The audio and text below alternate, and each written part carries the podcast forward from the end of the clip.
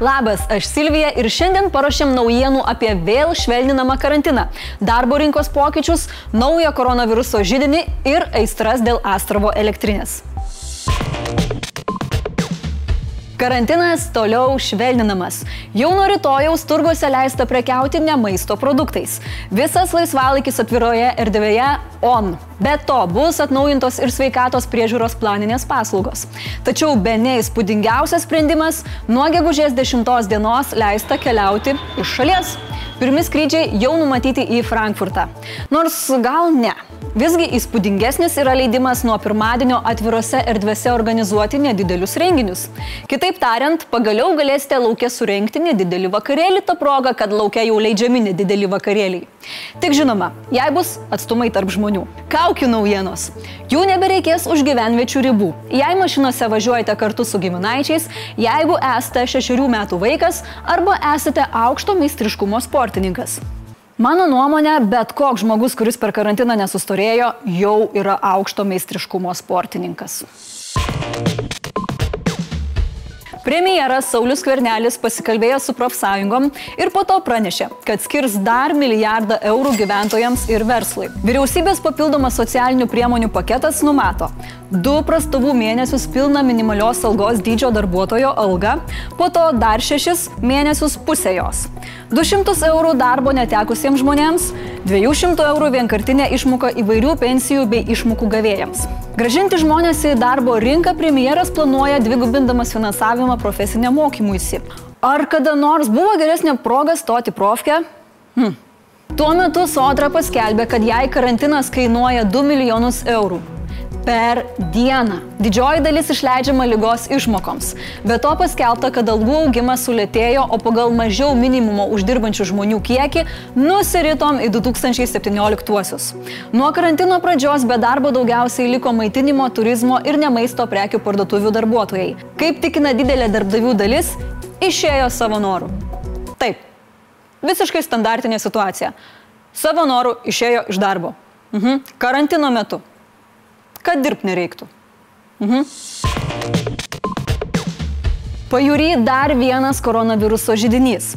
Kartenos katalikiškoje palaikomojo gydimo ir slaugos ligoninėje virusas nustatytas penkiems darbuotojams ir 22 pacientams iš 28. Iš tiesų, tai situacija yra tikrai sudėtinga. Ligonių nusprendė niekur neiškelti, o žydinį gesinti vietoje. Bet problemėlė tame, kad nėra kam gesinti. Kretingos rajono meras pranešė, kad izoliavus įstaigos medikus nėra kam jų pakeisti. Kol kas dar dirba naktį būdėję du medikai, kurių pamaina pratesta. Pritraukti darbuotojus bandoma visais būdais. Ir valandinį tarifą kelia. Ir priedų žada. Ir apgyvendinimą parūpins. Jūs tik ateikit. Iš viso Kartenoje gyvena apie tūkstantį žmonių. Kol kas uždaryti miestelio niekas neketina, bet judėjimo ribojimams meras neprieštarautų. Naujausia Lietuvos koronaviruso statistika matote ekrane. Pakalbėkim apie vos 50 km nuo Vilniaus statomą Astrovo atominę elektrinę. Vakar mūsų užsienio reikalų ministras Linas Linkevičius paskambino JAV valstybės sekretoriaus pavaduotojui Stevenui Biganui ir prašė paramos dėl Astravo. Linkevičius Stevenui skundėsi, kad gudų elektrinė netitinka saugos standartų ir jai nėra atlikti būtini stres testai. Jei jau Linkevičius taip gerai sutarė su Stevenu, kad gali va taip vakare paskambinti, tai gal Amerika iš tikrųjų gali mums padėti. O konservatorius Žygimantas Paviljonis surengė spaudos konferenciją, kurioje sukritikavo Linkevičių, kad Europai neiškomunikavo prašymo visiškai uždaryti elektros rinkas energijai iš Astrovo. O buvęs energetikos ministras Sekmokas per Zoomą kritikavo Nausėdą dėl nepakankamo Lietuvos pozicijos atstovavimo per skambutį Lukašenkai. Na bet būkim atlaidesni prezidentui. O jūs išdrįstumėt su Lukašenka pasiginčyti? Su vyru įkalbėjusiu patį Steveną Sygalą valgyti morką.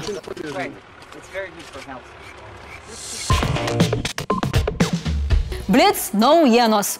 Opozicijai nepavyko išversti Dainiaus Gaižausko iš Nacionalinio saugumo ir gynybos komiteto pirmininko pareigų. Valdančiųjų ir opozicijos balsams pasiskirčius po lygiai, lemiamas buvo balsas, spėkit kieno, Ogi, pačio gaižausko. ES ėmėsi teisinio proceso dėl Lenkijos reformų, kurios anot Bruselio kelia grėsmę teismų nepriklausomumui. Čia jau skamba rimtai. Amerikoje koronaviruso atvejų skaičius perkopė milijoną. Donaldas Trumpas sako, kad taip yra, nes JAV vykdo labai platų viruso testavimą. Na kas jau kas, o Donaldas visada ras pasiteisinimą, kad nereiktų pripažinti savo klaidų. Pandemija koreguoja Oskarų ceremonijos planus. Į apdovanojimus, kurie bus dalyjami kitų metų vasarį, galės pretenduoti ir kino teatruose nerodyti filmai. Kas nebus naujiena torentų mėgėjams, kuriems kiekvieni Oskarai yra filmų, kurių jie nežiūrėjo kine apdovanojimai. Junktinės karalystės premjeras Borisas Johnsonas su 23 metais jaunesnė gyvenimo drauge susilaukė sunaus. Iš bemiegių naktų intensyvios terapijos skyriuje į bemiegės naktis namuose. Sveikinam! Aš nesuprantu, kaip jūs dirbantis iš namų sugebat susikoncentruoti į darbus, o ne į kokį Netflixą. Gal irgi tokį pagalbininką turit? Baigę dirbti arba žiūrėti serialus, nepamirškite deklaruoti pajamų bei skirti savo paramą Laisvės TV. Ačiū, kad žiūrit ir remet. Tiek žinių.